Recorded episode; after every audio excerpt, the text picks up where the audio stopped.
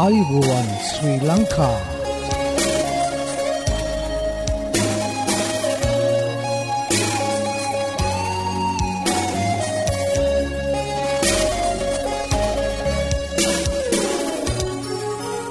ඔබට සුපදවස මේ ඇඩවෙන්ටිස්වර් රේඩියෝ බලාපොරොත්වය හඬ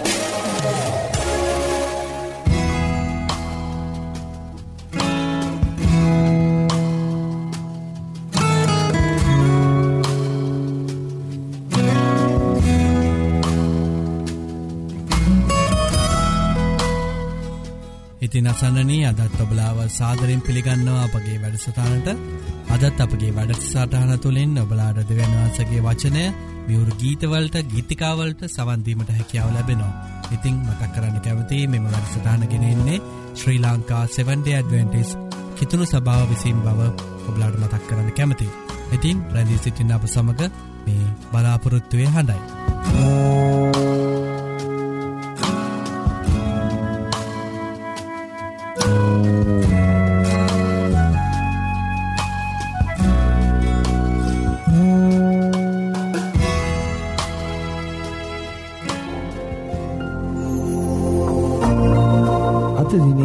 බයිබල් පාටය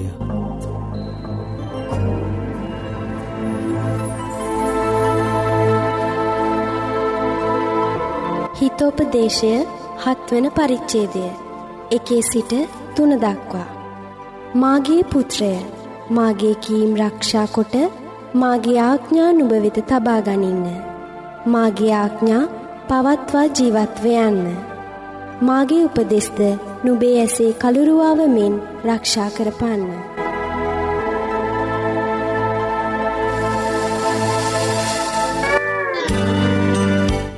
ආයුබෝවන් මේ ඇඩවෙන්ටිස් වර්ල් රේඩියෝ බලාපොරොත්වය හඬ යෙසාය පනස්සිකි දොළහා නුඹලා සනසන්නේ මමය. ඔබට මේ සැනසම ගැන දැනගානට අවශ්‍යද?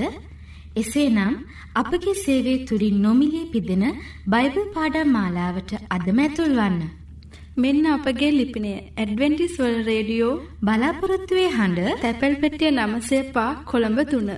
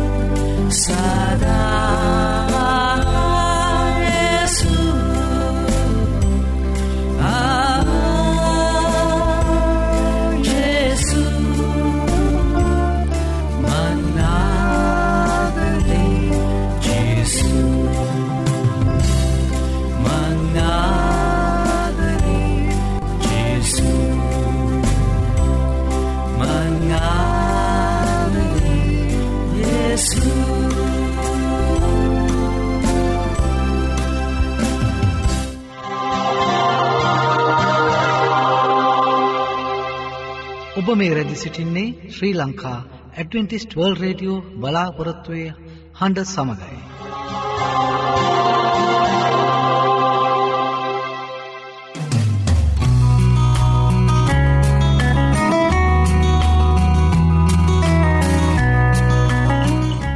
ඉතින් අසන්නනී ඔබලාට ස්තුතිවන්ත වෙනවා අපගේ මෙම වැඩසටාන් සමඟ එක්වී සිටීම ගැන ඇතින් අපි අදත් යොමුයමු අපගේ ධර්මදේශනාව සඳහා අද ධර්මදේශනාව ඔබහටගෙනෙන්නේ විලීරීත් දේවගෙදතුමා විසින් ඉතින් ඔහුගෙනන ඒ දේවවාක්‍යයට අපි දැන් යොමු රැඳී සිටින්න මේ බලාපොරොත්තුවය හඬ.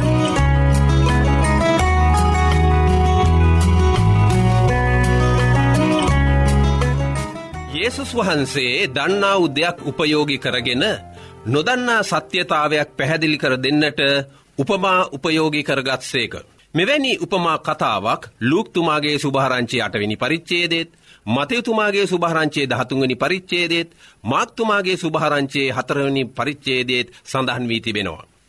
මෙම උපමා කතාව වපුරන්නා ගැන කතා කළ උපමා කතාවක් වන්නේය. එම උපමා කතාව මෙසේ සඳහන් වී තිබෙනවා. වපුරන්නා බීජ වපුරන්නට ගියේය. ඔහු වපුරණ කල්හි සමහරක් මගාසල වැටුනේය. ඒවා පයින් පාගන ලද්දේය. ආකාශයේ පක්ෂීහු ඒවා අවුලා කෑවෝය. තමත් ඒවා ගල්පිට වැටි පැලව් කෙනෙහිම දියසීරාවක් නැති බැවින් වියලීගියේය. තවත් ඒවා කටු අතරේ වැටුනේය. කටුද ඒවා සමග වැවි ඒවා යටකර දැම්මේය. තවත් ඒවා සරුබිමේ වැටි පැලවි එකෙන් සියයක්ද එකෙන් සැටක්ද එකෙන් තිහක්ද බැගින් පලදුන්නේය. ඇසීමට කන්න ඇත්තෝ අසාවායි යේසුස් වහන්සේ වදාලසේක. මෙම උපමා කතාවේ දෙවියන් වහන්සේගේ වචනය අසන මනුෂ්‍ය වර්ගයන් හතරක් ගැන සඳහන් වෙනවා. ඔවුන් දෙවියන් වහන්සේගේ වචනය අසා දක්වන ප්‍රතිචාරය සහ එහි ප්‍රතිඵලද උන්වහන්සේ පෙන්වා දෙනසේක. මනුෂ්‍යයන්ගේ සිත උන්වහන්සේ කෙතකට සමාන කර තිබෙනවා. දෑබර දෙමව්පියනි දරුවනි. මෙම උපමා කතාව උන්වහන්සේ මෙසේ තෝරාදුන් සේක. බීජනම් දෙවියන් වහන්සේගේ වචනයයි. වපුරන්නා නම් දෙවියන් වහන්සේය. යමෙක් සුද්දව බයිබලය කියවන විට ධර්මදේශනාවකට සවන් දෙන විට හෝ ආගමික පත්‍රිකාවක් කියවන විට සුද්ධහත්මයණන් වහන්සේ දේව වචනය තුළින් අපේ සිතට කතා කරයි. දේව වචනය අපේ සිත නැමැති බිමේ වැටෙන්න්නට පතිත වෙන්නට උන්වහන්සේ සලස්වන සේක. මෙම වචනය සුභාරංචියයේ වචනය බව පේත්‍රස්තුමා මෙසේ පවසනවා. එක පේත්‍රස්ගේ පොතේ පළවෙනි පරිච්චේදේ විසි පස්වනි වගන්තිය එතුමා පවසන්නේ මෙසෙයි. නොමුත් ස්වාමින් වහන්සේගේ වචනය සදාකාලයටම පවතින්නේය. මේ වනාහි දේශනා කරන ලද සුභාරංචියයේ වචනයයි ඔහු පවසනවා. බලන යොහන්තුමාගේ සුභාරංචේ දාහත්වනි පරිච්චේදේ දහත්වනි වගන්තිය සත්‍යතාවෙන් ඔවුන් පවිත්‍ර කළ මැනව. ඔබගේ වචන සත්‍යතාවයයි යේසුස් වහන්සේ වදාලසේක. දේව වචනය අපේ සිත පවිත්‍ර කරයි යහපත කරන්නට මඟ පෙන්වයි. ඔබගේ වචන මාගේ පාදයන්ට පහනක්ය මාගේ මාවතට එලියක් යැයි ධවිත් රජතුමා එකසිය දහනමිනි ගීතාවෙලියේ එකසිය පස්වනි පදේ මෙසේ සඳහන් කර තිබෙනවා. එවගේම රෝම පොතේ පාවල්තුමා පළවෙනි පරිච්චේදේ මෙන්න මේ විදිහටත් දේව වචනය සම්බන්ධව සඳහන් කර තිබෙනවා. සුභහරංචිය ගැලවීම පිණිස එය දෙවියන් වහන්සේගේ බලය තිබෙන බව ඔහු පවසනවා. ජාති බෙහෙදයක් ආගම් බෙහෙදයක් කුල බෙහෙදයක් තොරව සෑම කෙනෙකුටම ගැලවීම ලබා ගැනීමේ පනිවිඩය වී තිබෙන්නේ සුභහරංචියයි. බලන්න දෙමවපියනි දරුවනි දෙවියන් වහන්සේ දේව වචනය සිත නැමැති කෙතෙහි වපුරා මනුෂ්‍යයන්ට පාපෙන් මිදෙන්නට අවස්ථාවක් උදාකර දෙනසේක. අසන්නෙන අපි බලමු උපමාවේ සඳහන් වන එක් එක් අසන්නන්ගේ ප්‍රතිචාරය ගැන. මග අසල ඒවානම් වචනය ඇසූ අයය. එකල ඔවුන් අදහා නොලැබෙන ගැලවීම නොලැබෙන පිණිස යක්ෂය ඇවිත් ඔවුන්ගේ සිත්වලින් උදුරාගන්නේය. මේ අයනම් උනන්දුවක් නැති වචනය විශ්වාසක නොකරන අය වෙනවා. සමහර අය කුතුහලයක් ඇතිවෙලා වචනය අසනවා නමුත් ඒවා ස්තීරෝ උන්ගේ සිතේ පවතින්නේ නැහැ. ගලපිට වැට්ටුණු බීජනම් වචනය අසා සන්තෝෂයෙන් පිළිගන්න අයයි. කලකට පමණක් මේ වචනය ඔවුන්ගේ සිත්වල තිබෙනවා. නොමුත් මුල් නැමැති ඇදහිල්ල නොමැති නිසා පරීක්ෂා කරදර බාධා දේව වචනය නිසා හිංසා පීඩා ඇතිවූවිට ඔවුන් වැටෙන් නෝය. මේ අය චංචල සිතක් ඇති වෙනස් වෙන සුළු අය වෙති. වචනය නිසා ඇතිවෙන පීඩා කරනකොටගෙන ඔවුන් පැකිල්ලෙන්න්නට පටන් ගන්නවා. කටු අතරේ වැටුණු බීජනම් වචනය අසා. තමුන්ගේ ජීවිත ගමනේදී එහි වෙහෙසවීම්වලින්ද වස්තුවෙන්ද සැප ජීවිකාවෙන්ද වචනය යටව සම්පූර්ණ පල නොදරන්නේය. මේ අය දේව වචනය දේව භක්තියේ වේසය දරණනුමුත් එහි බලය එපා කළ අයව සිටින් නෝය. ලෞකක තෘෂ්ණාවන්ට ගොදුරුවී සිටින අයවන්නෝය. මේ අය මුදලට ප්‍රේම කරන්නෝය. තෘෂ්ණාව මැඩ පවත්වා නොගන්නෝය. දෙවියන් වහන්සේට වඩා සැපසෙල්ලමට ප්‍රේම කරන්නෝ වෙති. මේ තමයි මේ කටු අතරේ වැටුණු බීජ වලට සමාන වෙනවා මෙවැනි අසන්නන්. දෑබර දෙමවපියනි දෑබර දරුවනි අපි දැන් අපේ සිත යොමු කරමු සරුබිමේ වැටුණු බීජ දෙසට. සරුබිම කියලා කියන්නේ වචනය පිළිගන්න ලොකු ආසාාවක් ඇති අයටයි. වචනය අනුව ජීවිත ගමන පිළියල කරගන්න ආශාවක් ඇති අය වෙනවා මේ අය. ලෞකික දේවලට වඩා දෙවියන් වහන්සේට ප්‍රේම කරන අය වෙනවා මේ අය. මෙ අය තුළ තිබෙනවා ලොකු ආසාාවක් දේවවචනය ඉගෙනගන්නට. දේවවචනය අසන්නට දේවවචනය පිළිපදින්නට දේවවචනය අනුව ජීවිතය හැඩගස්වාගෙන චිත්ත සාමේන්යුත් ජීවිතයක් ගත කරන්න. මෙන්න මේ අය සරුබිමකට සමාන කර තිබෙනවා සුද්ද වූ බයිබලය. සරුබිමේ වපුරණ ලද්දේ නම් වචනය අසා තේරුම්ගෙන අවංක සිතකින් වචනය අසා තදින් අල්ලාගෙන ඉවසීමෙන් පලදරන අයවෙති. බලන්ට මේ අය ඉතාමත්ම අවංක සිතකින් ඇසූ වචනය තදෙන් අල්ලාගෙන ඉවසීමෙන් සිටින අය වෙනවා. එක්කෙනෙක් සියයක්ද එක්කෙනෙක් සැටක්ද එක්කෙනෙක් තිහක්ද බැගින් පලදරනො එක යන්නේ ඒ අයගේ ආත්මික ජීවිතය මේ විදිහට පියවරෙන් පියවරට සස්්‍රීක වෙනවා කියන එකයි එහි අර්ථය. වචනය අසා පිළිපදින අය වාසනාවන්තයෝ යයි ලූක්තුමාගේ සුභහරංචියයේ එකොළොස්වනි පරිච්චේදේ විසියෙක්කනි වගන්තියේ යේසුස් වහන්සේ වදාලසේක. දේව වචනය අසන පිළිපදින පවුල්ද එසේ වන්නේය. එකසිය විසියටවෙනි ගීතාවලියේ පළවෙනි පදේ මෙසේ සඳහන් වෙනවා. ස්වාමින් වහන්සේ කෙරෙහි බයවන්නාව සියල්ලෝම භාග්‍යවන්තයෝය. දෙවියන් වහන්සේ ඔවුන්ට සපලමත් භාවය ලබා දෙනවා. දේව වචනය අසන්නන්ට. පළවෙනි ගීතාවලියේ දෙවැනි සහ තුන්වැනි පදයන්හි මෙසේ සඳහන් වෙනවා. ස්වාමින් වහන්සේගේ විවස්ථාවේ ප්‍රීතිවන්නාව උන්වහන්සේගේ විවස්ථාව රෑදාවල් මෙනෙහි කරන්නාව මනුෂ්‍යයා ආශිර්වාද ලද්දෙක්්‍ය එසේ නැත්තම් ඔහු පිනැතෙක්්‍ය. ඔහු දිය ඇලවල් ළඟ හිඳ වූ නියම කලට පලදෙන නොමැලවෙන කොළ ඇති ගසකට සමාන වන්නේය ඔහු කරනලද සියල්ල සපලවෙයි.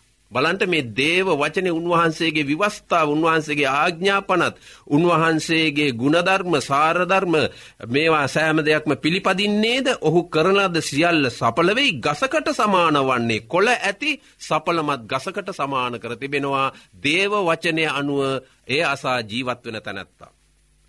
සරුබිමෙන් පෙන්නුම් කරන අය වචනය නිසා කොපමන කරදර පීඩා හිංසා පැමිණියත්. යේසුස් වහන්සේ වෙනුවෙන් ඉවසිලිමත් තත්ත්ව දරාගන්නවා. ස්තීරව සිටිනවා. අන්තිමය දක්වා ඔවුන් මේ ආකාරයෙන් ස්තීරව දේව වචනය කරනකොටගෙන ක්‍රිස්තුස් වහන්සේ තුළ සිටින්නාව සෙනග. දෙමව්පියනි දරුවනි ඔබ සරුබිමක් වන්න. ඉහත සඳහන් ආශිර්වාද ජීවිතාන්තය දක්වා ලබාගන්න. ගැලවීම ලබාගන්න. චිත්ත සාමයෙන් ජීවිත ගමන ඉදිරියට යන්න අධිෂ්ඨාන කරගන්න. දේව වචනය ප්‍රතිපත්ති රකින්න. ඔහු මහළු අයසේදිත් පලදෙමින් සාරවත් වන්නෝය සස්්‍රීක වන්නෝයයි ගීතාවලියේ අනූදවෙනි පරිච්චේදේ පාලුස්සනි වගන්තයේ සඳහන් වී තිබෙනවා. ඔබද දෙවියන් වහන්සේගේ ආශිරුවාද ලබාගන්න ඔබගේ විශ්වාසය අනුවයි පලදරන්නේ. විශ්වාසය ඇදහිල්ල අනුවයි සපලමත් භාවය ලබන්නේ. ඔබ කුමන වර්ගයේ වචනය අසන්නෙක්ද කියා දැන් ඔබගේ සිත ටිකක් සෝදිසි කරලා බලන්ට.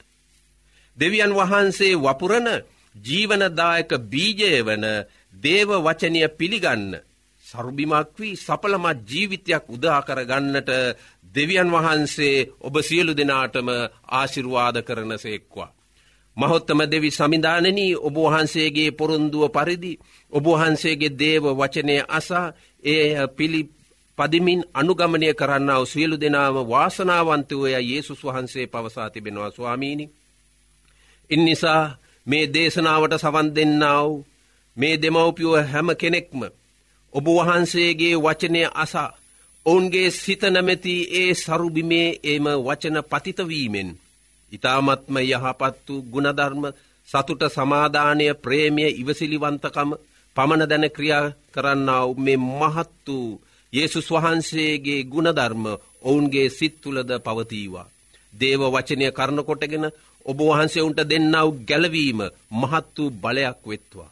මේ සියල්ලක් මිල්ලබින් දේව වචනයද ඔබ වහන්සේ අනුව යෑමෙන් සිතට සැනසීමත් සිතට බලාපොරොත්තුවත් චිත්තසාමයක් ඇතිවේවායිකයා ප්‍රාථනා කරමින් මේ දෙමවපියන්ද දරුවන්ද සෑම කෙනෙක්ම ඔබහන්සට භාර කරන්නේ යේසුස් වහන්සේගේ නාමය නිසාමය ආමේෙන්. ආයුබෝවන් මේ ඇඩ්වෙන්ටිස් වර්ල්ඩ් රේඩියෝ බලාපොරොත්තු වෙන ධෛර්ය බලාපොරොත්තුව ඇදහිල්ල කරුණාව සහ ආදරය සූසම්පත වර්ධනය කරමින් ආශ් වැඩි කරයි. මේ අත්හදා බැලිමිට ඔබ සූදානන්ද එසේනම් එකතු වන්න. ඔබත් ඔබගේ මිතුරන් සමගින් සුවසතර පියමත් සෞඛ්‍ය පාඩම් මාලාවට. මෙන්න අපගේ ලිපිනය ඇඩවෙන්ටිස් වල් රේඩියෝ බලාපොරොත්තුවේ අඩ තැපැල් පෙටිය නමසේ පා කොළඹ තුන්න. නැවතත් ලිපිනය ඇඩවෙන්ටිස් වර්ල් රේඩියෝ බලාපොරොත්තුවේ හඬ තැපැල් පෙට්ටිය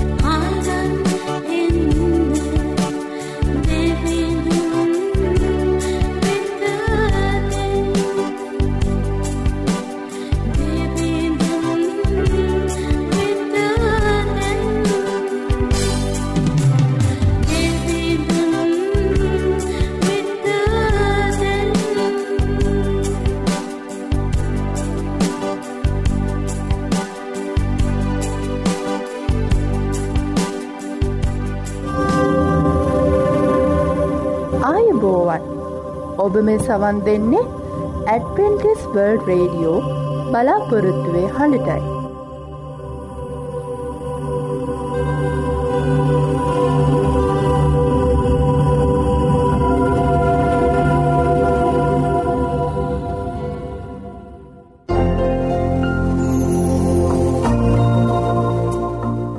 වැඩසටාන තුළින් ඔබලාට නොමිලේ ලබාගත හැකි බයිබල් පාඩම් හා සෞඛ්‍ය පාඩම් තිබෙනවා. ඉතිං ඔබලා කැමතිනං ඒවට සමඟ එක්වෙන්න අපට ලියන්න. අපගේ ලිපින ඇඩවෙන්ටිස් වර්ල් රඩියෝ බලාපොරත්තුවය හඬ තැපැල් පෙට්ටිය නමසේ පහ කොළඹ තුන්න මම නැවතත් ලිපිනීම තක් කරන්න.